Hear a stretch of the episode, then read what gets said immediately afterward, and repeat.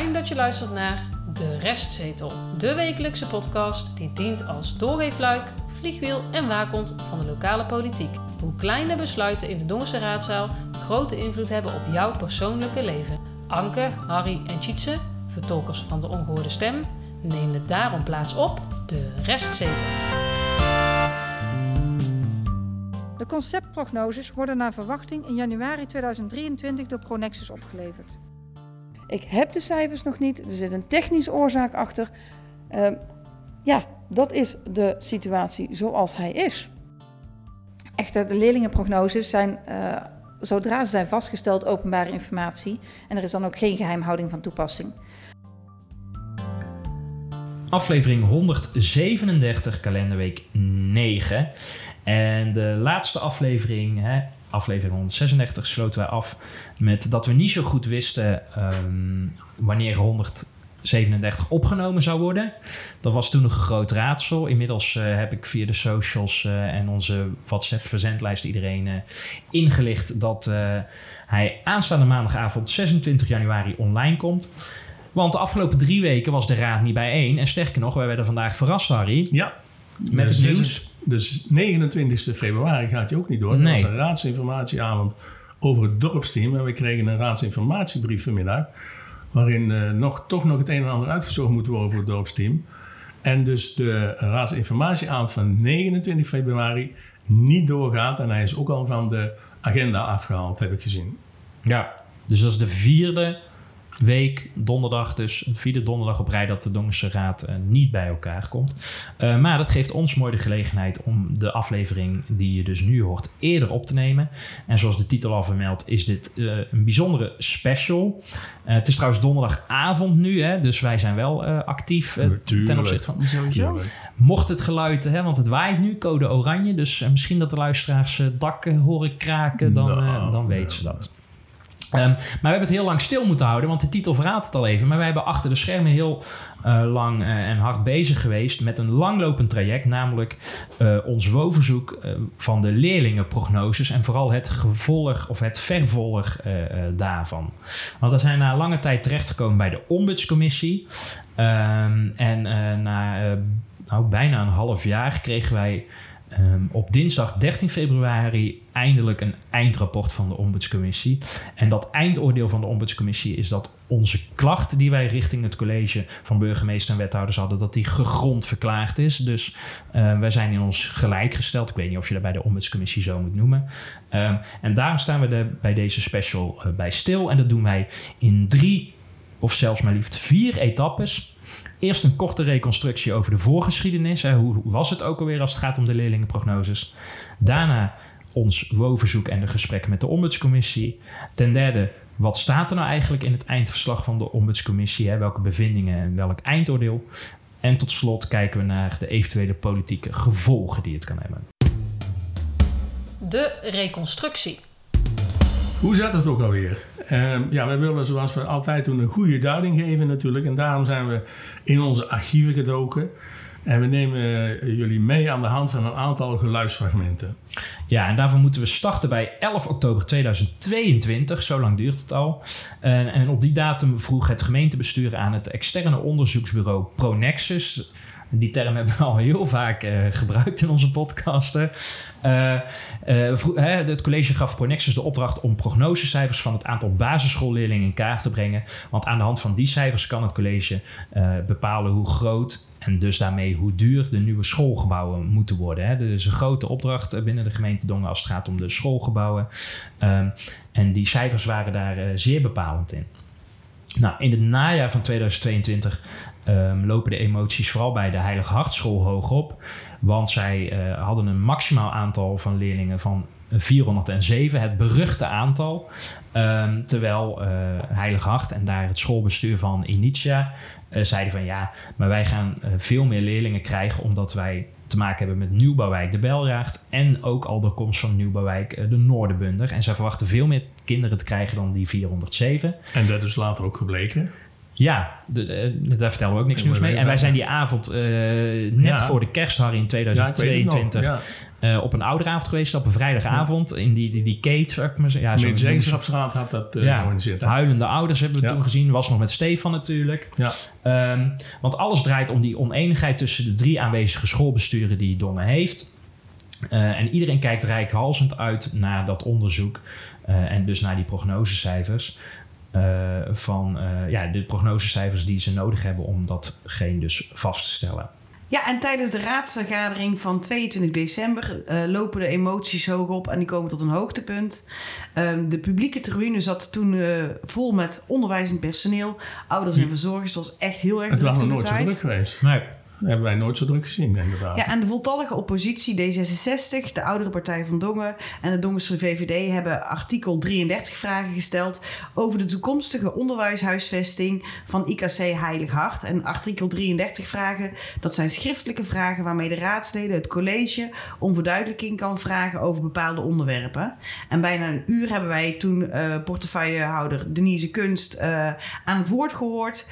Eh, onafgebroken, eh, waarbij ze dus de prognosecijfers bespreekt. En de allerlaatste vraag die ze krijgt is eh, vraag nummer 34. Vraag 34 tot slot. Is er al meer duidelijkheid wanneer de Raad deze prognoses tegemoet kan zien? Antwoord. De conceptprognoses worden naar verwachting in januari 2023 door Pronexus opgeleverd. Deze worden daarna eerst met de schoolbesturen besproken zoals gebruikelijk is. Na vaststelling van het definitieve resultaat zijn deze prognoses te delen. Normaal gesproken informeren we de Raad hierover in een voortgangsmonitor onderwijshuisvesting omdat wij inschatten dat u hier graag over geïnformeerd wil worden, zullen wij u hierover te zijner tijd een raadsinformatiebrief toesturen. Het vorige moment was dus 22 december 2022. Op 16 maart 2023 waren de prognosecijfers er nog steeds niet. En wethouder Kunst verdedigde haar nalatigheid toen als volgt. Ik heb u eerder aangegeven dat wij de cijfers vaststellen in samenspraak met de schoolbesturen. Ehm, als daar, al- nou, ik, ik zie de heer De Jong eh, verbaasd kijken. Wij krijgen de, de cijfers krijgen wij binnen. Daar staan per school staan daar aantallen in. En ehm, nou, ik heb dat gesprek ook nog nooit eerder gevolgd, dus dat wordt voor mij ook een nieuwe exercitie. Wij krijgen die cijfers, die nemen wij mee naar onze schoolbesturen. En het kan zomaar zijn dat daar dan nog iets of wat wijzigt in de aantallen, bijvoorbeeld, of in de aannames. U, u, u kijkt ontzettend verbaasd, maar wij stellen deze cijfers in samenspraak met onze schoolbesturen vast. Dat is de route die wij eh, lopen en daarna krijgt u ze ter informatie. U hoeft ze ook niet vast te stellen, dat is aan de schoolbesturen en de gemeente om deze vast te stellen. Ik heb de cijfers nog niet, er zit een technische oorzaak achter. Eh, ja, dat is de situatie zoals hij is. Nogmaals, het bespreken met van deze cijfers met de schoolbesturen en die dan vervolgens vastklikken. Het totaal aantal leerlingen zal uiteraard niet veranderen. Het is niet zo dat wij ineens 20 kinderen erbij of eraf hebben in heel Dongen. De verdeling van deze kinderen, de, eh, nou, er zit een hele systematiek achter. De uiteindelijke verdeling in de prognoses, die worden vastgesteld samen met de schoolbesturen. Dat is heel gebruikelijk en dat is ook wat wij hier in Dongen doen. Ja, dit was dus 16 maart en weer een maand later, het is inmiddels dan 13 april, wordt het vuurtje door de raad langzaam opgestookt. Want de vertraging loopt steeds meer op. Ehm, het eh, op overeenstemming gericht overleg, het OGO, heeft plaatsgevonden op 3 april. Ehm, dat was dus één week na het versturen van de prognoses aan de schoolbesturen. Eh, bij dat overleg waren alle drie de schoolbesturen vertegenwoordigd. En tijdens het overleg is gebleken dat er aanvullend overleg nodig is om tot overeenstemming te komen. Het vervolgoverleg hierdoor, eh, hierover is gepland op 8 mei. En eh, de reden dat dit zo lang, eh, dat daar vier weken tussen zit, vijf weken tussen zit, is het gevolg van de meivakantie en de drukke agenda's van zowel de schoolbesturen als eh, hier intern van mijzelf en de medewerkers. Dus er moeten negen agenda's op elkaar afgestemd worden en vandaar dat we uitgekomen zijn op 8 mei. En het vuurtje gaat weer een paar graden hoger, want tijdens de rondvraag op 11 mei 2023 krijgt wethouder Kunst een vraag hoe het op overeenstemming gericht overleg is afgelopen en waar nou toch die prognosecijfers blijven. En wethouder Kunst is deze vraag inmiddels geen verrassing meer. Dank u wel, voorzitter. Ja, dank voor deze vraag. Ik had hem aanzien komen. Ehm, ja, nogmaals, de prognoses eh, krijgt u als ze zijn vastgesteld. Er kunnen nog wijzigingen eh, plaatsvinden als ze vastgesteld worden. Hè. Stel voor dat wij nog wat, uh, wat ja, als we, als we wat willen wijzigen in wat er nu voorspeld wordt door Pronexus. En wij zien vanuit de scholen en vanuit de gemeente andere of aanvullende invloeden die door Pronexus niet zijn meegenomen. Ehm, dan kan het zijn dat de aantallen iets wijzigen. Nou, en om te voorkomen dat er allerlei versies rond gaan zwerven, krijgt u de cijfers op het moment dat ze echt zijn vastgesteld. Dat heeft er niks mee te maken dat u de, de, cijfers niet krijgt, die krijgt u echt. En op het moment dat er besluiten genomen moeten worden waar de prognoses voor nodig zijn, wees u ervan gerust. Dan heeft u ruim op tijd die prognoses uh, in uw mailbox hangen, zodat u ze erbij kunt betrekken. En dan op 25 mei zijn de prognosecijfers en dan eindelijk. Maar het betreft dit hierbij dan twee conceptversies die alleen beschikbaar zijn ter inzage voor de raadsleden. En dan in antwoord op uw vragen. Wat, mij, wat wij in, uh, met uw raad zullen delen is als volgt. De twee scenario's die op dit moment met de schoolbesturen besproken worden. Gezien de behoeften daaraan van uw raad, worden deze ter inzage gelegd bij de Griffie.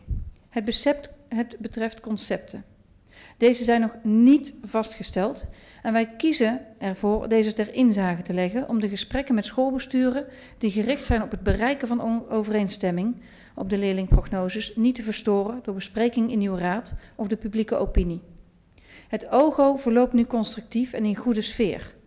Bovendien willen we voorkomen dat er verschillende cijfers de ronde gaan doen en er later verwarring ontstaat over de status van de gegevens. Omdat de prognoses nog niet besloten of vastgesteld zijn, verzoeken wij u, en ik doe echt een, nadrukkelijk verzoek uh, tot u, om hiermee niet naar buiten te treden en deze niet te bespreken in uw gemeenteraad tot hier overeenstemming over is bereikt. Zodra een scenario is vastgesteld, ontvangt u dat van ons, vergezeld van de annotatie uit de praktijk ter duiding van de gegevens. U ontvangt dan de toelichting samen met het vastgestelde, uh, de vastgestelde cijfers. U spreekt nog over oorspronkelijke prognoses. En dit zijn de conceptprognoses die nu onderwerp van gesprek zijn met de schoolbesturen. Deze worden, zoals gezegd, nu voor u ter inzage gelegd bij de Griffie. Uh, het college is uh, niet van mening dat uh, er geheimhouding toegepast eh, hoeft te worden. Echter, de leerlingenprognoses zijn, zodra ze zijn vastgesteld, openbare informatie. En er is dan ook geen geheimhouding van toepassing.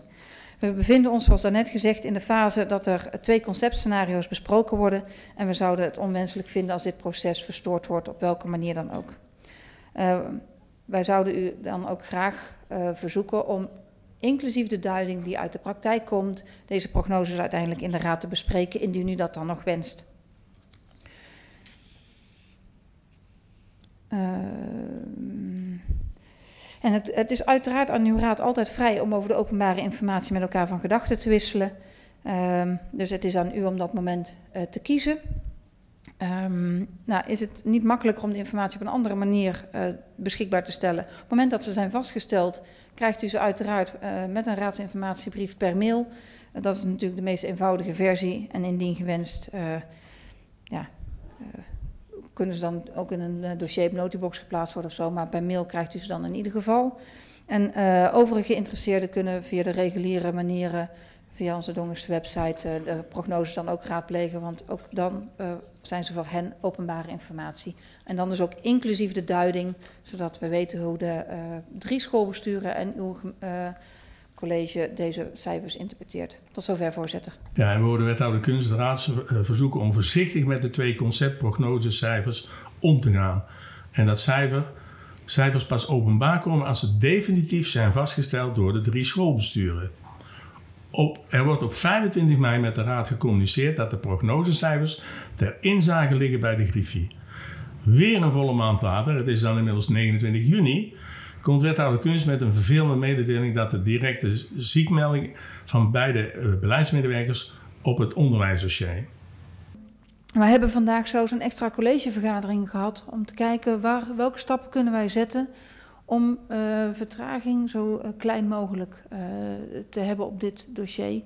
en ook ja, het effect te minimaliseren. Um, Omwille van de voortgang van dit dossier hebben we ondertussen uh, de opdracht uitgezet om uh, tijdelijk, uh, tot tijdelijke invulling over te gaan. En ik hoop dat dat dan ook snel tot resultaat zal leiden. Ehm, de tijdelijke kracht die zal dan belast worden met het voorbereiden, ehm, eh, met de leerlingenprognoses en het voorbereiden van het nieuwe op overeenstemming gericht overleg, zodat we zo snel mogelijk na de zomervakantie van de scholen, want ja, u weet, die gaat over uh, een, een, twee weken zijn de scholen, scholen ook voor zes weken dicht. Um, zodat we zo snel mogelijk na de zomervakantie dat OGO opnieuw uh, kunnen voortzetten, zodat we zo snel mogelijk voortgang hebben. Um, en u vraagt wanneer komt het plan, de, uh, de budgetten en de uh, leerlingaantallen. Dat komt zo snel mogelijk. En als u de leerlingenprognoses in wilt zien, beste raad, zij liggen voor u ter inzage bij onze Griffie bij de sets. Um, de ommezwaai uh, wordt mij gevraagd door, de, door mevrouw Gleren. Waar komt die vandaan? Dat nu ineens ruimte lijkt te zijn voor een aantal scholen. Nou, die de ruimte die is nou, ontstaan, dat, dat ontstaat organisch. Op het moment dat je nieuwe leerlingprognoses aanvraagt, um, je stelt een programma van eisen vast. In principe stel je daar het investeringskrediet op vast. Nou, dat is je, je marsroute, daar hou je je aan vast. Uh, u weet allen dat de Heilig Hart heeft verzocht om het aantal leerlingen in het programma van eisen los te laten. Ehm, nou, we hebben gezien in, en dat heb ik ook al eerder gemeld, in de leerlingenprognoses dat er meer kinderen in de beljaard zitten dan wij bij de vorige leerlingprognoses hadden voorzien. Nou, dat biedt grond om opnieuw naar cijfers te kijken. Dat zijn we dus nu aan het doen. Maar als je die ruimte voor de ene school biedt, moet je die ook voor de andere scholen bieden. Dus vandaar, uh, alle scholen worden op dezelfde manier daarin behandeld. Um, en in zoverre is het een ommezwaai. Je moet ook realistisch zijn. Op het moment dat leerlingprognoses als de basisgeneratie dat zo duidelijk laat zien, moet je niet halstarrig vasthouden. Dan moet je ook erkennen dat dat gebeurt. Het WO-verzoek. Ja, we hoorden wethouder Kunst in het laatste geluidsfragment, dus van, 2009, uh, van 29 juni, zeggen dat er geen geheimhouding lag op de prognosecijfers. Dus destijds trokken wij de stoute schoenen aan en mailden we naar haar van goh, zouden wij die cijfers ook mochten inzien? Nou, dat was een beetje tegen beter weten in, want we ontvingen toen de reactie dat dit niet mocht en dat de cijfers pas na definitieve vaststelling openbaar zouden worden gemaakt voor belangstellenden. Daarop reageerden we met een mailtje van, maar zijn, is het dossier en daarmee de cijfers, zijn die ook WO-waardig? En toen ontvingen we de reactie vanuit het college dat er geen wettelijke gronden waren om de inzage van de cijfers te weigeren. Want de cijfers waren feitelijk van aard en zonder oplegging van geheimhouding voor de raad, maar wel ter inzage gegeven. Nou, op diezelfde avond, dat was na de opname van uh, aflevering 116, de laatste aflevering voor de zomervakantie, hebben we toen direct een WO-verzoek ingediend. Um, dus dan praten we over maandag 10 juli. Toen dienden wij ons WO-verzoek in. En we vroegen kortweg om drie zaken. Eén, we wilden dus de leerlingenprognosecijfers. Twee, we wilden de agendas en de notules van dat OGO, hè, dus op overeenstemming gericht overleg. overleg. Uh, die wilden we. En we wilden ook het mailverkeer tussen Pronexus, ambtenaren, wethouder um, en de schoolbesturen. Toen kregen we een ontvangstbevestiging uh, met het bericht dat uiterlijk 6 augustus we een reactie. 7 augustus. 7 augustus, excuus, ja. konden ontvangen. Um, en dat is dus vier uh, weken later. Waarom nou eigenlijk vier weken? Nou, dat is gewoon de wettelijke termijn waarop je beantwoording moet krijgen van het WO-verzoek. En uh, na die vier weken kan je dus nog twee weken verlengen volgens de WO-regels. Maar dan wel met een tussenbericht en in goed overleg met de aanvragers, hè, dus met ons. En drie dagen voor de eerste deadline, dus drie dagen voor 7 augustus, vingen wij een eenzijdig bericht vanuit uh, de gemeente dat de eerste deadline niet gehaald zou worden. En daar hadden ze twee argumenten voor. Ten eerste was de omvang van het WO-verzoek, dus de gevraagde documenten was heel erg groot en ze moesten heel erg veel weglakken. En ten tweede, dat wisten we zelf ook, de ambtenaren waren op vakantie, want het was natuurlijk midden in uh, juli en augustus. Nou, uh, wij tekenden toen een proces aan, want wij zeiden ja, maar er is geen overleg met ons geweest, zoals de WO-regels wel uh, voorschrijven om te doen. nou, de ambtenaar in kwestie bood toen aan om te bellen. En toen hebben wij gezegd, nou, wij zien twee mogelijkheden. Of je belt en dan nemen wij het op, zodat we het ook hè, eh, Uit kunnen zenden uit inderdaad en kunnen gebruiken tijdens onze podcast of voor onze ja, podcast. en dus delen met eh, onze luisteraars. Of, dat kan natuurlijk ook, je zet het alsnog gewoon op de mail. Want ze zei, ja, ik, ga, ik wil bellen, want als ik het op de mail zet, dan kan het verkeerd overkomen. Toen zeiden we, nou, optie 2 is dat je het gewoon op de mail zet. Want dan kunnen we citeren en op die manier ook... eh, Transparant ons- zijn, Ja, inderdaad. en onze luisteraars daarin meenemen. Ehm, en op dat moment was er complete radiostilte vanaf de, vanuit de ambtenaar en hebben wij eigenlijk eh, niks meer gehoord. En ook de tweede deadline verstreek toen. En we hebben nog steeds geen reactie toen gekregen van de ambtenaar. eh, eh, waarom dat was, laat staan dat er een bepaald bericht kwam dat, dat ook de tweede deadline niet gehaald eh, zou worden. En wij stuurden toen ook een mail naar de ambtenaar zelf. En dat is een, dat, dat is een trainee. Eh, van goh, wij nemen jou niks persoonlijks kwalijk. eh, maar wij willen wel graag een contactpersoon tot wie wij ons kunnen richten met een klacht. Eh, en we zouden het netjes vinden als we oprechte excuses krijgen over het, het verlopen proces. Niet van jou als trainee, maar van jouw meerdere of jouw leidinggevende. Ik weet niet tegenwoordig hoe je dat in goed eh ambtenarentaal moet zeggen. Ook toen kregen we geen reactie. We stuurden nog een keer een mail. Weer geen reactie van de ambtenaar. En toen was voor ons wel de boot aan en hebben wij op vrijdag 1 september een bezwaarschrift ingediend tegen de handel en communicatiewijze vanuit de gemeente. En twee dagen later, op zondag 3 deze, eh, september, ontvingen wij dan eindelijk de WO-stukken. Dat was dus 13 dagen na de tweede deadline. En in aflevering 119 hebben wij toen de leerlingenprognoses besproken. Dus we vertellen tot nu toe eigenlijk niks nieuws. En de documenten hebben wij toen ook gedeeld in WeTransfer bestanden. Eh, en alle politieke partijen, Ja. behalve de Volkspartij natuurlijk, ehm, hebben toen ons Stukken opgevraagd. ja, en ook hier veel, Veel luisteraars. luisteraars, ja, eh, dus het leefde. eh, en terecht ook.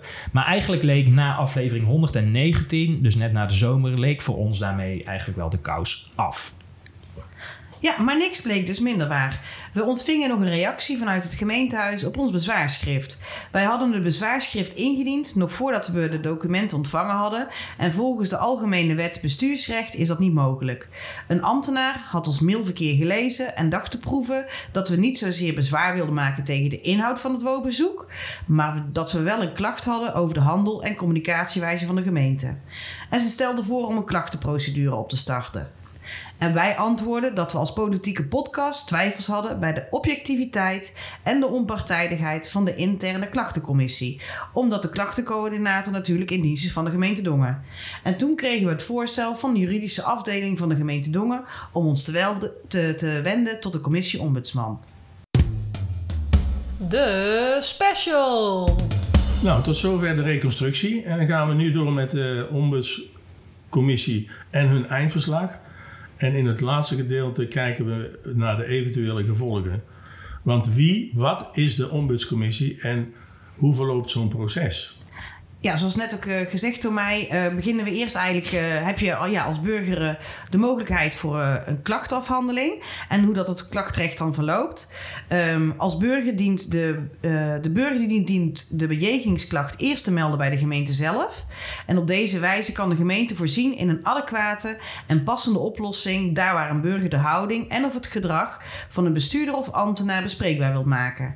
Op het moment dat de burger niet tevreden is met de uitkomst van deze zogenoemde eerste lijns klachtbehandeling, bestaat de mogelijkheid om beroep in te stellen bij een onafhankelijke instantie, de ombudsman geheten. En zo zijn wij dus eigenlijk bij de ombudsman terechtgekomen. Ja, met dank aan die ambtenaar die Nou, ons zeker, daar... want die eh, proefde- ja. Ja, die proefde inderdaad meteen ehm, wat wij wensten. En die haalde meteen, Ja. die raakte meteen de zere plek, die, die, ja, de vinger op de zere plek. Van oké, volgens mij is het niet precies dat jullie een klachtrecht willen doen. Nee. En willen jullie eigenlijk, moeten jullie eigenlijk gewoon doorverwijzen naar de ombudscommissie. Ja, ja, want we hadden geen. Hè, een bezwaarschrift gaat echt over de inhoud. Ja, eh, die leerlingenprognosecijfers, daar hadden we geen. eh, nee, want die hadden we inmiddels ontvangen. Nee, de- dat waren gewoon de cijfers. Ja. Eh, zoals ook de hele discussie eh, door onder andere meneer Kennekes iedere keer van cijfers zijn toch gewoon cijfers. Wat valt daaraan te, aan te, op Aan te te merken? tonen, inderdaad. Ja. nou ja, wie is dan eigenlijk de ombudscommissie? Ja. Eh, de ombudscommissie is een onderdeel van de nationale ombudsman. En de, op de ombudsman komt op voor de belangen van burgers en helpt overheden hun dienstverlening te verbeteren. De nationale ombudsman helpt als het misgaat tussen burgers en de overheid. Dit doen ze door de weg te wijzen naar het juiste loket, advies te geven en effectief onderzoek te doen.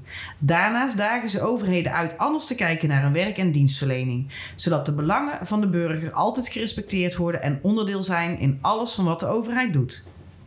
Ja, want Harry, jij gaat zo meteen citeren uit het jaarverslag. Ja. Wat de lokale ombudsman, hè, dus je hebt ook lokale ombudsmannen, eh, eh, eh, twee weken geleden aan de raad heeft aangeboden. Hè, dus ieder jaar komt er een Ja. verslag. En in dat jaarverslag eh, omschrijven zij zelf ook hun taak eh, en hun doelstelling. En ehm, daar ga jij nu uit citeren. Hoe kijken zij zelf naar hun werk? Wat is hun taak? Het is de taak van de commissie Ombudsman om aan, om een aan haar voorgelegde klacht over het gedrag van ambtenaren of bestuurders te onderzoeken en hierover een oordeel te geven aan verzoeker en de beklaagde overheid.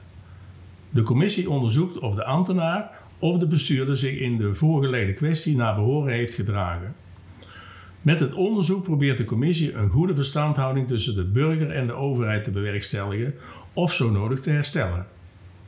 Het eindoordeel kan in een rapportage opgenomen worden waarin de gegrondheid van een klacht wordt beoordeeld en aanbevelingen kunnen worden gegeven als daarvoor aanleiding is.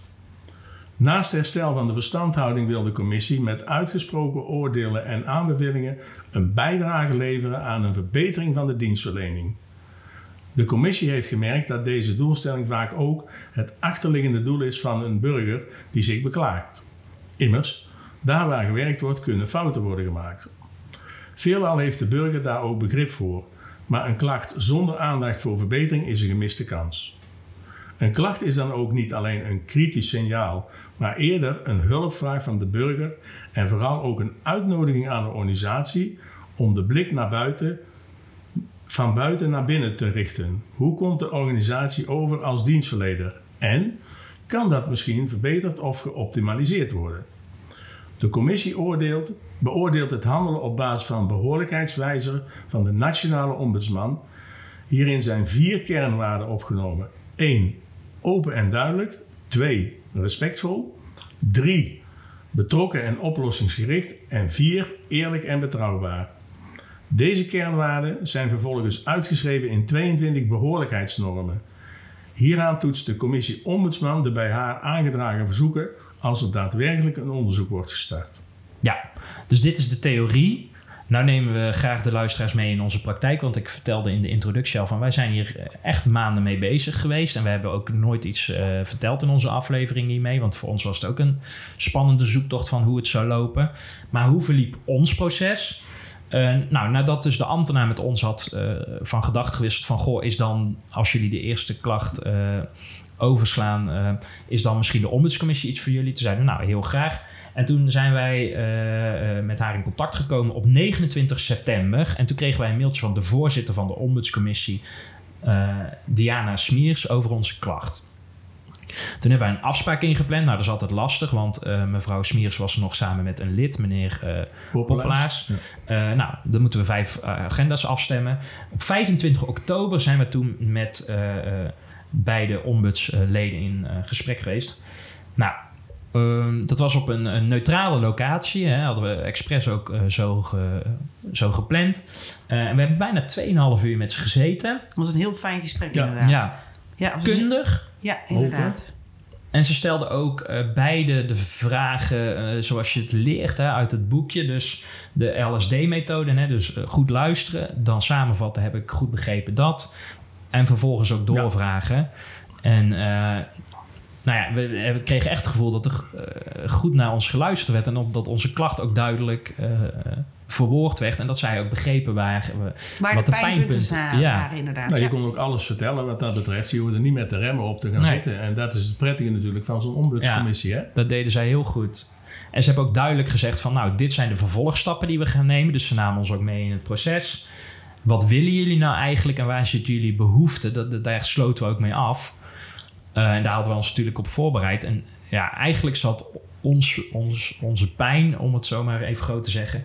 in drie dingen. Hè? Kijk, wij willen ten eerste aantonen dat er bij de gemeente Dongen... als het gaat om de ambtelijke bezetting piept en kraakt... Want als een goed WO-verzoek wordt afgehandeld, nou, dan is er in ieder geval communicatie met de aanvrager. Hè, even los of je de deadline haalt, ja of nee. Twee, uh, we willen ook gewoon voelbaar maken naar de gemeente dat de gemeente zich ook, of beter gezegd, juist ook moet houden gewoon aan de wettelijke regels en de termijnen. Het moet niet zo zijn in een goed functionerende democratie dat uh, de overheid zich aan geen regels hoeft te houden, terwijl wij dat uh, wel moeten doen. En zij moeten dus ook gewoon die deadline, uh, die twee deadlines halen. En als ze dat niet halen, ook gewoon duidelijk communiceren. En als laatste, want we zijn ook gewoon een podcast. Het was voor ons ook een zoektocht hè, van hoe werkt nou eigenlijk zo'n ombudscommissie. Dus we vonden het ook wel leuk en spannend om op deze manier te kijken hoe dit ging. En wellicht kon de gemeente daar ook lering uittrekken Ja. uit deze, het proces. Ja. Uh, en, en, en, dus op dat laatste punt, hè, concreet vroegen wij toen de ombudscommissie aan ons vroeg van wat willen jullie nou? Toen zeiden we nou, het gaat ons helemaal niet om, uh, om een schadevergoeding of wat dan ook. Hè. Dan ben je ook bij de ombudscommissie niet aan het juiste adres. Maar we willen excuses van het college. Met daarbij een afschrift naar de voltallige uh, gemeenteraad. In de hoop dat zij het inderdaad politiek bespreekbaar maken. Van Juist. jongens, wat kan hier nou eigenlijk beter? En dan zullen we waarschijnlijk heel pedant uh, overkomen bij uh, de mensen die echt daar met z'n 21 zitten en het college. Maar dat was wel eigenlijk onze doelstelling. Nou ja, ik herinner me nog dat twee jaar geleden, toen de WO werd inge ingevoerd, ja. toen is er al een vraag gesteld door de heer Evengaarts van, ga nou eens anticiperen op deze WO-verzoeken. Ja. Twee jaar geleden, hè? Ja. Um, dus wij waren dus uh, hè, die 25 oktober. Nou, dan duurt het weer een tijd, want de ombudscommissie moet natuurlijk uh, de tegenpartij horen, wederhoor toepassen. En op 4 december zijn zij naar het gemeentehuis geweest en toen hebben zij uh, drie mensen gesproken. Ten eerste de politiek verantwoordelijke burgemeester Bakemans. Ja, en ook de portefeuillehouder. Niet Uh, alleen politiek. Hij is ook portefeuillehouder. Ja, ja, ja, ja, precies. Ja, omdat Ja. die portefeuillehouder is, is hij politiek verantwoordelijk, Oké. toch? Zo zou Ja, ik het- Nee, ja. maar het is goed uitgelegd. Ten tweede, de gemeentesecretaris Henk van Noord hebben ze, eh, ehm, zijn ze mee in gesprek geweest. En als laatste, dus de ambtenaar, de trainee, die, eh, waarmee wij eh, contact, of misschien beter gezegd geen contact hebben gehad eh, gedurende het Nou, wel verzoek. contact? Ja, wel contact Ja. inderdaad. Alleen Ja. ze hebben geen ze heeft, eh, die persoon, de trainee, heeft geen terugkoppeling gegeven. Ja. Tijdig. Ehm, over terugkoppeling gesproken. Nadat zij dus eh, op 4 december dat gesprek hadden met die drie mensen, hebben wij op 15 december hebben wij weer met z'n drieën met de ombudscommissie gezeten, eh, digitaal. Eh, want zij gaven een terugkoppeling over hun bevindingen over de drie gesprekken die zij gehouden hebben. En wij mochten daar ook nog op reageren. Nou, dat ging er soms eh, eh, fel aan toe. Ja. Ja, dat kan er wel stellen, ja. maar wel op een, op een goede, Een eerlijke manier. manier. Ja, ja, ja. Nee, het, mocht ook, zal ik maar even Ja, zeggen. en, en die ruimte was er vanuit beide kanten ook. En zij was ook uitnodigend om dat te doen. Ja. Ja. Maar dat vond ik ook wel prettig hoor. Zelfs digitaal, hè? Dus dat Ja, vind dat ik ook. via Teams hè. Ja, nee, maar en dus nog krachtiger, hè? Dus als je één op één zit, gewoon in één ruimte, is dat knap wat ze doen. Maar als je zelfs door het scherm heen nog steeds die LSD-methode kan hanteren en toch kan eh, van, goh, ik hoor wat je zegt, maar eh, zo, vind ik een, een- vind ik een grote eh, kwaliteit die ze heeft. Daar weet ik niks van. Maar ze had wel kwaliteit. dus Laat ik dat wel Nee, nee, inderdaad. Wat Cheese Ja. zegt klopt helemaal. Het, Ja. was, het was volledig respectvol. Ja. En eh, het was ook echt weer gewoon een, een, een fijn en goed gesprek... waarbij wij inderdaad onze standpunten weer kenbaar mochten maken. En eh, die zij dus ook heeft proberen te begrijpen. Eh, en dat daar ook terugkoppeling op heeft gegeven. Maar tevens ook ons heeft proberen te doen inzien... Hoe dat de standpunten inderdaad waren... die zij dus terug hadden gekregen. Dus de bevindingen echt vanuit de andere gesprekken... Ja. En hoe dat die mensen dus dat ervaren hebben. ja, ze heeft echt wel ook wel ja, een Bemiddelend, een bemiddelende, Het was ook echt wel een, een beetje een bemiddelende rol. Ja. eh. Maar, maar eh, door de spiegel ook voor te houden. Ja, hè? Van ja. ja. maar heb je niet door dat, eh, dat zij dit en dit antwoord geven? Hè? Hoe, hoe komt dat op jullie nu over? Hè? Ik bedoel, Ja. het, was een, ja, het was gewoon een goed gesprek. Goed. Punt. Ja. Doorgeefluik, vliegwiel en waakhond. Nou, de reconstructie is geweest. En we hebben uitgelegd wat de taak van de ombudscommissie is en hoe zij te werk gaat. Maar aan het begin van de aflevering hebben wij verteld dat onze klacht door de ombudscommissie gegrond is verklaard. Dus tijd om het eindverslag erbij te pakken. Ja, en voordat we dat doen, even een enkele opmerking vooraf. Namelijk één, eh, we gaan het eindverslag ook delen met onze luisteraars via onze socials. Dus via Instagram en Facebook en onze website. Dus mocht je het interessant lezen, eh, geheel vrijblijvend, kan je het eh, zelf ook teruglezen om een oordeel erover te krijgen. Ehm, Even over dat eindrapport, wat we dus gaan delen. Dat bestaat uit 10 bladzijden en die is chronologisch opgebouwd. Prettig leesbaar, maar chronologisch opgebouwd. Dus ze omschrijven eerst onze klacht, dan de aanleiding van onze klacht, eh, hoe het onderzoek is gelopen en dan komen zij dus met het eindoordeel. En eh, dat eindoordeel, daar gaan we ons nu op focussen. En eigenlijk komen er drie Hè, grofweg, grosso modo, komen er drie conclusies uit. Ten eerste, er wordt iets gezegd over de voort, voortvarendheid van de gemeente. Of de, misschien de afwezigheid van de voortvarendheid van de gemeente. Twee, over de afwezigheid van een goede motivering vanuit de gemeentekant. Maar, en dat is drie, ze staan ook uitgebreid stil bij uh, de communicatie tussen ons en de behandelend ambtenaar, dus de trainee. En laten we die nu eens één voor één uh, doorlopen. Te beginnen dus bij die voortvarendheid. Ja, en dan een citaat uit het verslag. De commissie ombudsman achter klacht over het uitblijven van een heldere communicatie over de overschrijding van de wettelijke termijn waarbinnen het WO-verzoek afgehandeld had moeten worden gegrond. En wel in strijd met de behoorlijkheidsnorm, voortvarendheid en goede motivering. En wat verstaat dus nu de ombudsman onder voortvarendheid? Een citaat uit de behoorlijkheidswijzer. De overheid die onthandelt zo snel mogelijk en slagvaardig mogelijk. De wettelijke termijnen zijn uiterste termijnen. De overheid streeft waar mogelijk kortere termijnen na. Als besluitvorming langer duurt, dan informeert de overheid de, de burger daarover tijdig. En als er geen termijn genoemd is, dan handelt de overheid binnen een redelijke korte termijn. En de gemeente geeft hierbij aan. Uh, de vertegenwoordigers van de gemeente erkennen dat het proces rondom de afdeling van het WO-verzoek moeizaam is gelopen. Ook is het, feit, uh, is het een feit dat de gemeente Dongen moeite heeft om te voldoen aan de beslistermijn die in de WO is opgenomen. En door omstandigheden heeft het dus te lang geduurd voordat het college een beslissing kon nemen op het WO-verzoek. Ja, nou, dit, dit herkenden wij ook in, uh, in het eindoordeel inderdaad, uh, wat we uh, zagen. Wat, hoe kijken wij naar, Harry? Ja, ja. Um, de, maar daar ga ik even al vooruitlopen op wat we straks ook nog... er is ook een onderzoek binnengekomen. Ja, die en, afgelopen en die, weken is ja, dit is bij Nieuwsuur ik, en daar straks even wat over okay, zeggen. Ja. Dan, dan, dat past hier wel in volgens mij. Ja, dus deze Dus even- houden de even mensen nog goed. Het, ik, ik kan me voorstellen dat voor een gemeente met de omvang, eh, personele omvang van de gemeente Dongen, dat een woonverzoek best wel.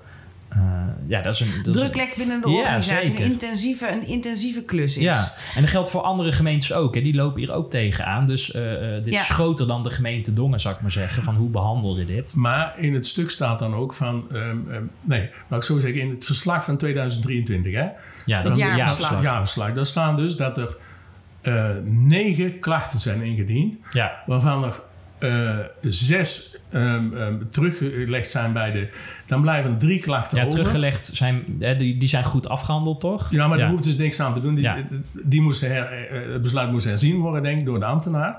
Dan blijven er drie over. En eentje, wat stond er nog bij, was voor onderzoek. En daar waren wij natuurlijk, waren wij, even ja. los daarvan. Maar dat zijn de klachten die dus behandeld zijn oh, door de, eh, door de ombudscommissie. Hè? Ja, Ja. maar, Het gaat niet over de hoeveelheid WO-verzoeken. nee, die precies. Nee. want dat was worden. mijn aansluitende Ja. punt. Van, Ja. Waar kunnen wij dan zien? Want ergens schrijft eh, eh, eh, de gemeentesecretaris Ja, in dat het er heel verslag dat er heel veel woonverzoeken komen. Ja. Wij kunnen dat nergens zien. Nee. Nou ja, Jurie de Jong weet ik nog. Meneer de Jong die, eh, heeft hier wel eens vaker vragen over gesteld. Over hoeveel woonverzoeken dat dus Ja. de gemeente ontvangen heeft in een bepaald jaar. Ja. Of WOP-verzoeken toen de tijd nog. Dus of dit hier een geldig argument is, dat kunnen wij niet constateren. Nee, want In ieder geval Eh, niet controle- Nee, controleren. ja, In aflevering 119 hebben we ook al gezegd, volgens de eh, wettelijke eh, voorschrijvingen als het gaat om het woonverzoeken, moet de gemeente ook actief, hè, dat is die actieve informatieplicht, moeten zij ook de documenten delen. Dat was Die destijds wat wij. gewoond zijn, ja, inderdaad. dat is de reden dat wij het toen maar via WeTransfer hebben aangeboden, omdat de gemeente het zelf niet deed. Volgens mij is het een soort, hoe noem je dat? Eh, heb je een jaar de tijd om het eh, te implementeren. Dus er zit een implementatietijd. Dus misschien dat ze nog eh, hebben. Maar de WO-stukken die wij destijds van de leerlingprognose hebben opgevraagd, die staan nog steeds niet op dongen.nl Nee, of dat op welke was ook site dan tijdens ook. een eerdere raadsvergadering ook aangegeven dat zij bezig waren met het systeem, met een landelijk systeem waar zij Ja. gebruik van zouden maken. En dat is landelijk- ziele gegaan. En ja, dat, dat is geklapt, waardoor Ja. dat er dus nu geen mogelijkheid is om het eh, in ieder geval op een goede manier en op eh, een juiste manier te delen, dat het ook vindbaar is. Want dat is natuurlijk Ja. het tweede. Ja, dat Je klopt. kunt het wel wegzetten. Ze kunnen wel geopenbaard worden nu. Ja. Eh, onze WO-stukken die we opgevraagd hebben. Maar eh, eh, even afsluitend op dit punt om voortvarendheid. De- Wat Anke net voorlas als citaat, dat klopt ook. Hè. Er is met ons niet tijdig geïnformeerd en gecommuniceerd over de termijnen en dat die niet gehaald werden. Nee, en de, vooral de achterliggende oorzaak waarom dan inderdaad niet. Ja. En als dat goed was opgepakt, dan had er zeer waarschijnlijk geen overzoek gelegen. Ja, nee, het liep al het overzoek natuurlijk. Ja. Nee, dan hadden we geen klachten, hadden we geen klachten hoeven indienen. Inderdaad, hadden we niet bij de onderzoekscommissie terechtgekomen. Een tweede punt waarom eh, ons, eh, ja, de, de, de, de ombudscommissie ons naar gelijk geeft, zo moet je het noemen, maar eh, grond verklaart. ja, is eh, over de goede motivering. Harry, wat zegt eh, de behoorlijkheidswijzer eh, daar eigenlijk over? De overheid legt haar handelen en haar besluiten duidelijk uit aan, aan de burger. Daarbij geeft zij aan op welke wettelijke bepalingen de handeling of het besluit gebaseerd is. Van welke feiten zij is uitgegaan en hoe zij rekening heeft gehouden met de belangen van de burgers. Deze motivering moet begrijpelijk zijn. Drie bouwstenen zijn voor een goede motivering van belang: de wettelijke voorschriften, de feiten en belangen en een heldere redenering. Ja, Ja, dat hebben we net besproken een beetje ook eh, dat we dat inderdaad eens misten. Ja, in dat rapport, in dat eindrapport, staat ook dat de gemeentesecretaris van Noord zegt: ja, eh, eh, we, we, we kennen de restzetel en de toon. Hè, ik parafraseer nu een beetje, maar de toon van de restzetel kennen we ook. En er staat eigenlijk tussen de regels. Dus we zijn wat voorzichtiger. Ja, maar we, verzinnen, ze- we verzinnen ze bloedirritant. En misschien is dan nog een eufemisme als ik eh, meneer Van Noord. eh, Dat direct stond niet zo in het, eh, in het verslag Nee, vermeld maar hoor. mensen Nee. kunnen het lezen, net verslag staat. Ja, daarom. Ja, ja, ja. Maar zo interpreteer ik het van. het is goed dat ze luizende pijls zijn. eh, eh, maar, Maar niet de manier waarop. Nee, de toon, dat Ja. is niet onze manier, laat ik het dan zo Dus zeggen. dan ben je ook nooit transparant als organisatie, hè? als je daar al bang voor bent. Maar goed, dat is mijn. Nou ja, hij had ons, hè, nogmaals, hij had ons eh Bram Peperstel ook kunnen omarmen. eh, als je die gave überhaupt zou hebben. Maar, eh, maar dat is misschien voor een latere aflevering. En hij zegt dus ook. ja, er wordt mij vaak in de podcast meer macht toe en invloed toegedicht als gemeentesecretaris dan dat ik daadwerkelijk heb. Staat ook in dat ja, maar dat eindverslag. is, dat is een. ja, dat, dat klopt natuurlijk niet, want hij heeft gewoon de macht, want daarvoor ben je baas. Klaar. Zelfs in een Nou, zelforganiserende teams. Ja, nou als hij die macht of invloed niet zou hebben, dan zou hij eigenlijk zijn rol weer niet goed doen. Hè? Nee. Dus het is een beetje paradoxaal, geef ik ook eerlijk toe. Eh, maar laten we die invloed en eh, zijn functie eh, ook doortrekken naar het derde punt. En daar moeten we dus even uitgebreider bij stilstaan. Hè? Dus wij hebben het eh, gegrond verklaard gekregen op die voortvarendheid en de goede motivering. Daarin geeft de ombudscommissie ons dus, eh, ja, valt het balletje onze kant op, zou ik maar zeggen. Maar we krijgen ook een, een Ja, een gevoelige eh, tik, berisping als het gaat om onze communicatie richting Ja, de dat- trainee. dat vind ik niet juist van, van, van, de, van de commissie. Nou, laten we eerst even daar ietsjes eh, verder op doorgaan. Eh, mag ik jou daar eh, in het woord geven, Anke? Ja, dat is goed, Ja. zeker. Ja, nou, de communicatie en de werkwijze met de trainee... die is natuurlijk, wat jij net zegt, ook aangehaald. eh, heel erg duidelijk door de, de ombudscommissie. Ehm, en dat had inderdaad vooral betrekking op ons voorkomen... eh, en de communicatie naar de behandelend ambtenaar van ons woonverzoek toe. Ehm, en zoals eerder aangegeven ook... is dit woonverzoek dus opgepakt door een trainee... Ja. Eh, en bij het zien van die functieomschrijving trainee ging bij ons de wenkbrauwen eh al omhoog. En hadden wij zoiets van: oké, kan dit dan wel bij een trainee weggelegd worden? En kan deze dan ook wel alles gewoon oppakken, gezien onze functie van waakhond? Ja, want ons eerste contact toen wij ons WO-verzoek indienden was nog met de, de, de, met de WO-ambtenaar, zou ik maar zeggen. En eh, er staat ook in dat eindverslag van ja, het duurde even, want die WO-ambtenaar, zo noem ik die persoon maar even, die, Die was is ineens weg. vertrokken. Ja, Ja. ja. Ja, dus dat zegt ook weer iets over de organisatie En daar hadden jullie van altijd wel een Dongen. heel goed contact Ja, dat was- eerder ja. bovenverzoeken natuurlijk ingediend als Ja, restzetel. Ja, Ja. Hè, dus Zo deze, was dat toen nog. Dus de, de, de ambtenaar waarin we het nu over gaan hebben, dus de trainee, die is eh, ja, op de trein gestapt terwijl het WO-verzoek al liep. En daardoor liep het ook vertraging op. Eh, maar zij was echt eh kerstvers. hè. Ja, het is niet voor niets een, een trainee natuurlijk. Ja. nou ja, en ongeacht hoe goed dat deze trainee eh, de kennis in pacht had eh, om het verzoek op te pakken, ehm, ja, vonden wij ook dat er wel politieke voorzichtigheid enigszins eh, gebaat zou zijn bij het oppakken van dit onderzoek. Zeker gezien onze functie Ja. van als waakhond. ja. Ehm, en de ombudscommissie geeft hier eh, op aan ehm, dat er in goede backup voorzien moet worden binnen de organisatie. Ja. En hierbij een citaat. Juist in een organisatie met zelforganiserende teams dienen hiertoe goede regels of afspraken omtrent backup ge- vastgesteld te zijn, opdat de burger uiteindelijk niet gedupeerd wordt door de afwezigheid van ambtenaren. Ja, en er is dus in de gemeente Dongen, zoals wij hebben gezien, eh, eh, niet voorzien in een escalatiemodel. Terwijl dat wel nodig is met een organisatie met zelforganiserende teams. Overigens vond dat de ombudsman ook hoor. Dat escalatiemodel. Commissie, dat, dat, ja. Dat vond zij wel raar dat dat er niet was. ja. Dat was in die gesprekken die wij gevoerd hebben, Ja, inderdaad. Ja ja, ja ja, ja, ja. Nou, wij hebben... eh, Dat het miste. Maar Ja. dat miste ik wel in de, in de advisering. in ja, het uiteindelijk in het ben. rapport. dat ehm, vind ik wel jammer. Nou ja, wij krijgen het, eh, eh, het ja, verwijt is misschien al te groot, maar wij krijgen de. Ze willen ons meegeven van goh, jullie eh, houding richting de trainee heeft ervoor gezorgd dat zij eh, handelingsverlegen werd. Dat is het, ja, ik noem het even het verwijt. Dat is wat- ja, nou, wat dat, is- dat, ja. dat is wat ook gewoon inderdaad aangehaald wordt. Ja, en eh, hè, met andere woorden, als jullie, eh, hè, want wij hebben haar die keuze een paar keer gegeven van goh, of we nemen het gesprek op, zodat we kunnen uitzenden, of wij willen, je kan het ons ook mailen en dan citeren we eruit.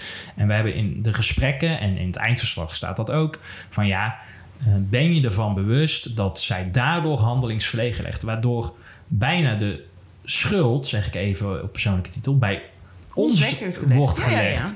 Terwijl zij ook had kunnen mailen van... goh, ik voel mij hier niet prettig bij. Eh, eh, is er een andere manier? Hè? Ik bedoel, Ook ik snap dat zij manier? denkt dat wij onmensen zijn. eh, maar zij heeft Nou ja. geen contact... Nou, het zijn een aparte pers, ja, zal ik ze heeft geen contact met ons gezocht van... zijn er andere mogelijkheden? En, en dat sluit aan op het citaat wat jij zegt... zij heeft dus ook binnen het zelforganiserende team... Niet geëscaleerd inderdaad. Nee, zij heeft geen leidinggevende van... Hey, betrokken ik van ben, luister, ik voel mezelf, ik voel mezelf Ik ben ergens trainee. aangevallen. Ja. Of ik voel mezelf hier niet zo lang bij wat er hier nu gebeurt. Ja, Kom eens helpen. ja, Want er gaat hier iets, qua deadlines ga ik het niet halen. Er gaat hier iets niet goed. Er wordt van mij eh, iets verwacht. eh, wat, ik niet, eh, wat ik niet wil. Ik, ik zit ergens in een bepaalde hoek waar ik niet in terecht wil komen. Kom mij eens helpen, haal mij hier eens uit. Hoe gaan we hiermee om? En ik heb nu hulp nodig daarin. En dan komen we dus weer bij de Van Noord-doctrine. Namelijk, hij zegt ook... Ja, maar jullie zijn zelforganiserende teams. staat ook in dat eindverslag van... Ja, ja. eh, eh, wij zien het als een kans voor de trainee... dat ze, eh, dat ze meedraaien en dat ze verantwoordelijkheid Ja, maar- krijgen... wat ook klopt. Maar als het eenmaal het systeem stokt... en dat er zand in de, in de machine komt... veroorzaakt door de restzetel... dan heeft die vrouw die op zondagavond nog aan het werk is... en die zich echt vervelend heeft gevoeld... en dat vinden wij ook...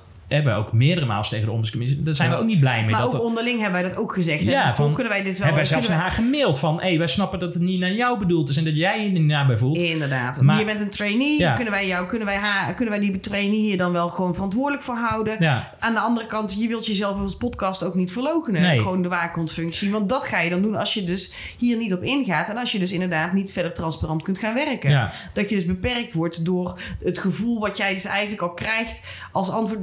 Dat je, dat iets zielig vindt. En je denkt van, oh verdikkie, weet je. ja. Nu gaan wij iemand voor het blok zetten, want dat weten wij zelf ook. Ja. Dat wij iemand voor het blok gaan zetten. Ehm, en hoe gaat zij dit dan oppakken? Ja. Maar moet je het dan maar niet doen? Moet je dan maar zeggen, oh het is zielig? En ehm, nee, want er is altijd nog een mogelijkheid voor escaleren. Nou ja. Nou ja, en die, die ontbreekt. En dat had misschien in onze ogen meer in dat eindrapport mogen staan met ietsjes meer zinnen eh, dan dat het nu staat. Namelijk, zij heeft zich eenzaam gevoeld. Dat vinden wij ook heel vervelend. Maar we zijn wel, je bent wel de overheid. Dus we hebben ook gezegd van ja, maar het moet niet eh, eh, de reden zijn dat wij nu haar treffen met haar karakter en haar handelingsverlegenheid. Want als wij ambtenaar X hadden getroffen, die niet handelingsverlegen is, en die zegt: Nou, dan bel ik jullie even op en dan gaan we in gesprek. Ja, was er niks gebeurd. dan was er niks gebeurd. En dat is precies wat ook volgens die, die, die, die vier normen die jij net noemde, hè, en die 22 die daaronder zitten, van ja, maar je bent, of jij nou Pietje, Jantje, Klaasje bent, of welke namen tegenwoordig volgens eh, de woke D66'ers moeten noemen, voor de overheid moet het niet uitmaken Tuurlijk wie niet. jij bent en vice versa ook niet. Of je nu ambtenaar X aan het loket hebt of ambtenaar Y, dezelfde behandeling. Ja, dat klopt. Hey, en, eh, Ik- maar zou zij dan wel ook echt in een team zitten? Want je hebt natuurlijk ook van die eenpitterfuncties waar ze het over gehad hebben. Ja. Is het niet gewoon eh, dat die trainee een eenpitterfunctie eh, heeft en dat, dat, dat er dus voor de rest echt niemand is om naartoe te gaan? Want dat is wat wij zeiden van het piept en het kraakt ook Ja. hè, hiervoor. Ehm, hoe, hoe, hoe zou dat dan zitten? Nou, maar dat- ja, ik ben mee eens, maar dat is niet aan ons. Zij- Nee. ook al zou het in één pitter zijn, dan hoort eh, Van Noord. Daar blijf ik nog steeds bestuur roepen. inderdaad, Ja, zeker. die behoort inderdaad Ja. gewoon toezicht te houden op wat er gebeurt. Maar, en daarbij, zij weten eens exact dat deze vraag is binnengekomen. De bestuur ziet ook dat wij daaraan eh, bij- betrokken zijn. Ja. Die, en als ze het dan uitzetten naar een trainee, vind ik dat op zich prima. En leuk dat het dan een toffe eh, iets is om, Uitdaging. eh, uitdaging is om het Yep. op te pakken. Maar dan hou je wel ergens gewoon nog je vinger in de pap. En dan probeer je ook Zeker. tussentijds inderdaad gewoon Ja. een terugkoppeling te krijgen van die trainee. Hoe gaat het met Ja. je? Krijg je het voor elkaar? En Kun- hoe zit het kan met- ik helpen? Kan Ja, ik iemand Hoe zit bijsturen? het met de deadlines? Ja. Je bent, je, iemand is aan het leren. Het is een lerende functie, een trainee. Want Ja. je kan ook zeggen van nou, daar hebben die jongens en meisjes van de podcast, Ja. zal ik maar even zeggen. Dus Ja, daar moeten we even alert op zijn. Ja. Laten we haar maar begeleiden daarin. Ja. Eh, Want zij kent het dongense niet, want zij komt ergens anders vandaan, eh heb ik Ja. begrepen. Ja, dus, ja, eh, ja. Ja, ik vind dit wel een omissie van de, van de, van de, ombes, van, van de ombeschouwer in dit geval. Drie zinnen over eh, het is gegrondverklaard. Ja. En 250 woorden bij wijze van spreken over... Nee, nee, nee. Ik heb ge- geteld. Nou. Nee, nee, nee. De ombudsman besteedt bes- besteedt dus eh, die twee punten die wij aan onze kant vallen 250 woorden. Het punt wat we nu bespreken 381 woorden. Eh, en eh, ja, daarmee vind ik het wel uit balans. Dus eh, wij krijgen echt een, een felle eh, tik op de vingers en reprimande. Maar dat de gemeente dus laakbare dingen heeft gedaan... in de vorm van dat zij geen goede motivering... en niet voortvarend zijn geweest... wordt echt minder onderbelicht. Terwijl juist dat hetgeen is wat de ombudscommissie ook tracht te doen. Hè? Hebben net gehoord in een verslag. Namelijk, je wil leren. Je wil ervoor zorgen dat de overheid verbetert. En dat haal je niet uit dit Nee, eindrapport. Ik denk niet dat Van Noord dan wel meneer Bakermans denkt van... Goh, Nee. dit zijn nou goede feedbackpunten. Hiermee gaan we aan de slag. Want het wordt ons verweten dat wij zo gecommuniceerd hebben. Het wordt ons ook verweten dat wij wel eens een naam van een ambtenaar noemen in de aflevering. Dat is ook eh, niet Dat is chic. ook, nee, dat is niet chic. En daar hebben ze ook overschot van gelijk Ja. in dat dit benoemd wordt. Maar dat wordt heel erg, eh, eh, want de eerste ontmoeting met meneer Bakermans begon hij ook binnen twee zinnen daarover. Hè, van ja, maar, hè, dus dat, dat, dat steekt hun. En dat is ook prima, dat is ook het spel tussen hun en ons. En de laatste half jaar noemen we al geen ambtenaar meer. Dat doen we nu bij deze ambtenaar ook niet. Dat hebben we toen in die aflevering heb ik dat wel eh, gedaan. Tuurlijk was dat, dat was eh, op het randje misschien. eh vanuit eh, ja, eroverheen. nee maar luister eens. Als er in de raadsinformatiebrief staat er altijd een ambtenaar boven. Die mogen Tegenwoordig ook niet meer. En ik wij denk dat ze zijn- die eruit Jawel, ik heb ze, ik heb ze gezien in de laatste Nou, er ook raadsinformatiebrief. Wij zijn ook een lerende podcast. Hè? Dus wij ook, ook wij doen Ja. iets met de Ja? feedback die... Oh. Ja, ook wij doen iets met de feedback die wij krijgen. Maar toch vind ik dat maar wij liggen daar niet wakker van, toch? Nee, maar, dan, maar daar hoef je toch ook niet wakker van te liggen van feedback Nee. die je krijgt. Maar- Dat is toch alleen maar om te groeien? Ja, maar de balans in het eindrapport vind ik, vind ik Ja, dat is buiten mee eens. proportioneel. Ja, ja. Namelijk, wij worden meer tegen het licht gehouden in het eindoordeel. Eh, eh, wat wij niet goed ons- hebben gedaan. Ja, het is eigenlijk onze schuld dat deze ambtenaar handelingsverlegen Ja. is geworden. Wij hebben- en ja. dat, dat wij dus gewoon te laat onze reacties hebben gekregen. Ja. En dat er dus eh, geen verduidelijking is gekomen op het feit waarom de Ja. achterliggende oorzaken. En worden wij hierdoor handelingsverlegen? Dacht het niet. Nou, maar ik heb, nou, ik heb, ik heb jullie naast me staan, dus Nee, dat kan dacht het niet. niet. Dat maakt ons alleen maar scherper. Nee, zeker Althans, mij wel. Sowieso. Maar goed. Ja, hebben wij nog, want jij had nog een, een, een ding, Harry, wat jij even had opgezout voor de luisteraars. Van ja, daar kom ik straks nog even op terug. Eh, over die wovenzoek en dat er de laatste tijd veel in het nieuws ook is. Hè? Dus eh, de VNG is ermee bezig geweest. Ik zag van de week ook bij Nieuwsuur iets voorbij komen. Ja. Dat was weer naar aanleiding van VNG, want het was bijna één op één. Maar dat even eh, terzijde. maar de VNG heeft die laatste tijd ook weer... En wie is VNG? ja, de Vereniging Nederlandse Gemeenten. Dank je. En Ja. eh, binnenlands bestuur en zo is Ja, daar ook mee is- bezig ja, geweest. Ja. Het is ook vooral een ministeriebreed, maar het gaat wel over de WO-verzoeken. Nou, even, eh, en, en dat valt toevallig dan samen, maar de woonverzoeken zijn eh, inderdaad een landelijk probleem volgens een onderzoek van het Adviescommissie, Adviescollege Openbaarheid en Informatiehuishouding. Eh, de vraag is vanuit, die, vanuit dat adviescommissie, is de overheid wel transparant genoeg? Eh, ja, een artikel van in Binnenland Besturen 27 januari jongstleden inderdaad. Wat wordt er niet uitgevoerd volgens die, goed uitgevoerd volgens die commissie? De overheid overschrijdt systematisch de termijnen. In principe moet een woonverzoek binnen 28 dagen zijn afgehandeld. Eh, even ter vergelijking, het gemiddelde in andere Europese landen is overigens 15 dagen dat het afgehandeld wordt. Dit vind ik ook wel een, eh, een mooie, die hier toch ook wel van toepassing is. Politici en bestuurders vinden het lastig om transparant te zijn. Jongens, waar hebben we dat eerder gehoord? Ja. Ze vinden dat ze zelf over hun informatie gaan en daar wordt er veel weggelakt. Lakken is topsport geworden, al dus de commissie. Politiek gevoelige woonverzoeken worden minder open en trager behandeld, eh, volgens het ministerie van Binnenlandse Zaken. En een open overheid is binnen handbereik volgens de commissie, maar die doet, dan moet de, eh, de overheid ook de volgende stappen worden gezet. Gecontroleerd informatie bewaren en vernietigen. Meer actief openbaar maken, dat vind ik dat hij hier ook had. Als mevrouw Kunst dat eerder openbaar had gemaakt en niet allemaal die omwegen had gedaan, was er niks aan de hand geweest. Een nationaal coördinator met een krachtig mandaat benoemen om de leiding te geven aan de WO-aanpak. En transparant zijn over de WO, over de behandeling van de WO-verzoeken. Nou, dat is precies waar wij nou mee bezig zijn, volgens mij. Om dat zo transparant mogelijk te doen. Dus wij voldoen al eigenlijk, zonder dat we het weten, een deel aan de eisen van, eh, van deze adviescommissie. Ja, en dan wil ik ook gelijk citeren uit het jaarverslag van de lokale ombudscommissie. Want die zeggen daarover in het verlengde hiervan het volgende. Op basis van een kritische blik op het overheidshandelen kan de overheid zelf tijdig haar dienstverlening of procedures optimaliseren. Dit moet de overheid initiëren en ook omarmen. Deze zogenoemde georganiseerde tegenmacht kan een belangrijk tegenwicht bieden tegen een al te voortvarende overheid die soms, tegen beter weten in, de regels handhaaft. Vind ik een hele interessante. Ja, die tegenmacht die proberen wij op onze manier eh, Te bieden. in te vullen. Op een kritische toon. Ja, maar eh, diezelfde ombudsman schrijft in ons eindrapport het volgende, en ik citeer nu. Tevens was bekend dat verzoeker uitgesproken podcast maakt, podcast maakt over de lokale politiek.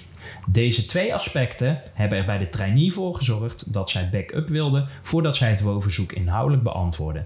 Hetgeen de commissie niet vreemd overkomt. Einde citaat. Ja. Maar ze wilde dus backup, maar heeft ze die dan gekregen? Nee, maar hier, de- ook Ja, hier vind ik nee, een, ja. hier schuurt hij een beetje van. Nou, hè, ze zegt ze, nou ja, verslag zegt de com- ombudscommissie. Tegenmacht is belangrijk, want de overheid moet niet eh, zelf initiëren ten, ten, ten, ten eh, hoe noem je dat? Eh, ten koste van, eh, van de inwoners. En in het eindrapport zegt ze dus eh, hetgeen wat we hier horen van... ja, het was bekend hoe het eh, bij de podcasten wat hun tone of voice is. Nou, sterker nog, de, lokaal, of de landelijke politiek die investeert 60 miljoen in de lokale eh, eh, eh, kranten, hè, om het zo maar even te zeggen. Juist, om die, tegen, juist, juist Ja, ja, om ja. die tegenmacht, waar mensen dus van kunnen leren, en met name de, de, de, de gemeentes zelf en de provincies, om die te stimuleren. Eh, dit was het eindrapport. Nogmaals voor de mensen die het willen lezen... eh, eh, volg eh, onze communicatiekanalen. Transparant zijn, hè? Dat Ja, gaan we, dat gaan we doen. eh, tegenmacht ook bieden. Hè? Ja. En de, de inwoners en de luisteraars zelf eh, de kans geven om een oordeel te vormen. De restzetel. Gaan we nog kort even kijken naar eh, de eventuele acties. Want zou dit nog eventueel invloed hebben op eh, hè, een be- ja, bepaald gevolg? Eh, laten we even kijken naar eh, een reactie vanuit het college met een grote vraagteken. Een heel groot vraagteken. Misschien nog vanuit de raad met een vraagteken. En natuurlijk onze eh, luisteraars, die we natuurlijk ook daarin meenemen. Even als het gaat om het college. Wat zegt eh, de ombudscommissie in het eindrapport? En eh, zou jij die voor willen lezen, Anke? Ja, citaat. De commissie verzoekt de gemeente een reactie te geven op dit rapport en daarin mee te nemen dat de verzoeker graag gepaste excuses zou willen. De commissie geeft daartoe mee dat zij geen aanleiding ziet dat het college de gemeenteraad informeert zoals de verzoeker heeft aangegeven. Het staat de verzoeker vrij om het rapport te delen met de raadsleden. Ja. Dus eh, nou, tot nu toe, hè, het is nu, eh, eh, we nemen nu de 22e op. Het is bijna tien uur s avonds. Tot nu toe hebben we vanuit het college nog geen excuses ontvangen. Zoals de ombudscommissie wel ja, verzoekt of adviseert het college te doen. Maar misschien komt dat nog, maar er komen straks Ja, was op basis van onze wens natuurlijk Ja. inderdaad ook. Hè? Ja, maar ze zeggen wel, nou, eh, volgens ons is het gegrond. Dus, eh, En nou, die wens is op zich niet eh, te Ja. groot. Nee, en, en, maar de wens dat wij ook zeggen, ge- sturen als college ook een afschrift naar de gemeenteraad, dat doen ze weer niet, maar het staat ons vrij. Nou, dat gaan we natuurlijk doen. Dus ik hoop ook dat, en dan komen we gelijk bij de raad, eh, dat eh, de raad hier misschien ook nog iets mee gaat doen. En we hebben zelf ook al die, die, die twee schifting gemaakt. Hè. Dus één, het gaat gewoon om hoe gaat... eh, ja, hoe, hoe verloopt een WO-verzoek en hoe kan dat beter? Hè? Dat is eigenlijk pad 1 wat we doorlopen. Maar ook 2 is wel hoe, ja, hoe zit het intern qua organisatie en dat escalatiemodel eh, als het gaat om Ja, die zelforganiserende teams. Hè? Dat zijn eigenlijk de twee paden die we doorlopen. En waar we hopelijk misschien eens een keer een visie van krijgen van de raad. Dat zij dit eens een keer met elkaar bespreken. En niet alleen voor WO-verzoeken, maar ook, kan ook voor bezwaarschriften en andere klachten zijn, hè, die intern worden behandeld. Hè? Ja. Een escalatiemodel. Hè? Dus daarom En ook voor medewerkers, laat ik het zo even zeggen, als ze ergens mee zitten. Ja, dus daarom gaan we dit eindrapport eh, richting eh, de raad sturen en dan komt hij bij ingekomen stukken. Misschien dat er een raadslid eh, dit ter bespreking gaat stellen, wie weet. Ehm, ja, als het gaat om eh, eh, de media en de luisteraars, eh, we plaatsen het dus op onze social media kanalen. En misschien dat luisteraars en lezers van het eindrapport ook nog dingen opvallen. Dan horen wij dat natuurlijk uiteraard graag via WhatsApp of via Instagram of via Facebook of via mail kan natuurlijk ook. Nou, Want ik- hebben ook aan de ombudsman, Ja, ja, Harry? Ja, dat willen we. We hebben aan de ombudsman gevraagd van, mogen we dit rapport delen? Op 22 februari reageert de commissie. Ehm even Ja. kijken. Ja, met Dank. die mailen terug met het volgende. eh, Ja, dank voor uw bericht. Het aan u of het... het, nee, het u- is, de- daar moet er is tussen. Oh, Heb jij het overgetypt? Heb je het niet gekopieerd en geplakt? nee, dat kan ik niet. Dus het, het is, u moet daar staan. het is... Aan Ja, u. Ja, ja, lees jij maar voor dan. Ja, Dan- het, dan ja, dan probeer ik het voor te lezen ja. jij getypt hebt. Nee, want dat kun je kopiëren. Eh, dank voor uw bericht. Hè, wij stellen dus de vraag, mogen wij het publiceren? Eh, dank voor uw bericht. Het is aan u of u het rapport deelt en met wie. Dat is de reden dat er geen namen worden genoemd in de rapporten. Omdat het niet aan de ombudsfunctie... Ja, nou moet ik jou... jou Maar titel- aan betrokkenen is om af te wegen wat zij met het rapport willen. Ja. Heeft u daar voldoende aan? Einde citaat. Ja. Ja, daar hebben wij voldoende aan. ja, Zo zijn wij ook, want we controleren dat dus wel. Dus zo slecht zijn wij nog niet. Hè? Nee, wij leren ook. Wij, Ja. wij, wij, Nou, wij wij doen leren ook. niet, wij, nee, maar dat vragen wij altijd. We hebben altijd eh, vragen gesteld over onderwerpen Nee, richting gemeente ook. Zeker. Ja, want even voor eh, de luisteraars. eh, de volgende agenda op eh, 21 maart, die besluitvormende vergadering, staat het jaarverslag waar wij uit geciteerd Ja. hebben in deze aflevering. Die staat dus ook ter kennisgeving nog op de agenda. En wij hopen zo vurig dat de raad er nou eindelijk ook eens voor de inwoners is. En dus ook voor ons drie. Dat zij gewoon dit misschien dus van de ter kennisgeving, want zo staat het nu nog eh, eh, op de agenda. Dat zij hem plaatsen naar Ter bespreking of ter behandeling. En dat ze misschien deze podcast eh, daarin meenemen. Of in ieder geval het eindrapport wat wij naar hen toe En gaan nemen. inderdaad wat jij Een zegt. aanleiding vinden voor verbetering van heel die Ja, en niet voor ons, maar inderdaad Nee. gewoon voor, ja, voor de gemeente in de vorm van de ambtenaren. Die het en- oppakken, Ja. het escalatiemodel. En inderdaad voor de burgers die het eventueel ook... eh, Precies. voor de transparantie. Precies. Volgens mij eh, zijn we er eh, nu ongeveer Nou, wel, mooi. toch? Zullen we naar de voorspelling gaan? Goed idee. Dat vind ik een hele mooie. De voorspelling. De voorspelling, ehm, dat ging over of meneer Bakemans, burgemeester Bakemans, bij de buitengewone raadsvergadering eh, tijdens carnaval, die zaterdagmiddag. Ik in- hoorde dat ik daadwerkelijk Ja, echt iets heel iets groots gemist. gemist Ja, heb. en hij eh. deed het goed hoor. Hij deed Hij echt heel deed goed. perfect. Jeetje. Dit deed hij echt heel Niet goed. alleen voor Ja, jullie ja, ja, inderdaad. ja, ja. Hij heeft bijna een half uur lang eh, de show gestolen. Ja. Het liep, ja, ik weet niet of er een eindtijd normaal gesproken is, maar daardoor duurde het ook nog langer. Eh, Maar het was volgens mij niet vervelend om naar te luisteren. Nee, nee. Dat het gewoon saai was. Nou, hij had Nee, een niet. bij, bij Nee. zich en hij ging liedjes. Hij deed eh, van, eh, de- de- hoe noem je dat? Eh, van een Lekker limerick spelen van ja, la la la la la. Ja, nou ja, ja, die- de, de prins werd een beetje in zijn hemd gezet. Hè? ja, zoals het hoort ook met carnaval. Ja, Want ja. hij gaf, ja, Maar er was nog één ding. Eh, er werd in die raadsvergadering ook Oh, gezegd... Ja, dat ga ik even vertellen.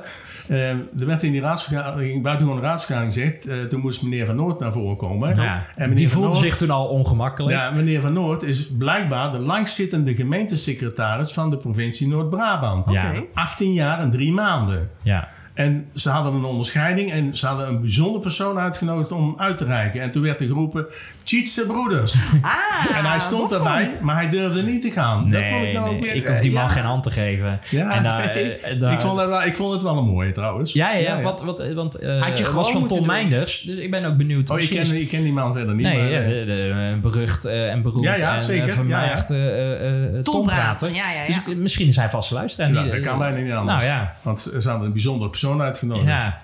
Ja. dat was wel leuk. En ik schenk iedere week een flesje azijn in als we het over meneer Van Noort Ja, hebben. precies. Dus, eh, Dus ja, dat was eh, zelfs in het eindrapport te lezen. Eh, de punten, hè, jongens? Ja, want ik zei als enige van, nou, ik denk dat hij niet komt. Maar hij was er dus wel. Nou, en, hoe nog dus inderdaad. En hoe inderdaad. Ja, nee, zeker. Ja, nee, zeker. Maar, ja, maar hij heeft ook niks te verliezen, hè? Want volgend jaar is hij er niet meer. Ja, maar hij moet het, nou, wel doen. Want Ja, en hij kon het ook. het is wel zo, hij pakt dezelfde regie, hè? Ja. En dat is natuurlijk heel slim. Die Want dat doet hij in zijn nou niet alles. zo groot als die andere keer net.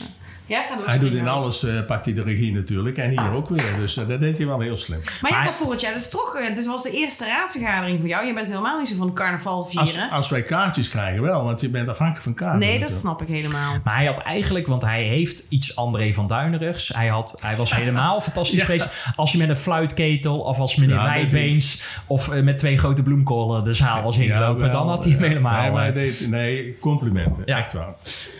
Eh, we hadden het net al even over de voorspelling voor volgende week. Want de ombudscommissie heeft in haar eindrapport dus opgenomen eh, dat, eh, dat er een advies is gegaan dat het netjes zou zijn als het college excuses aanbiedt aan ons over de handelswijze in dit hele traject.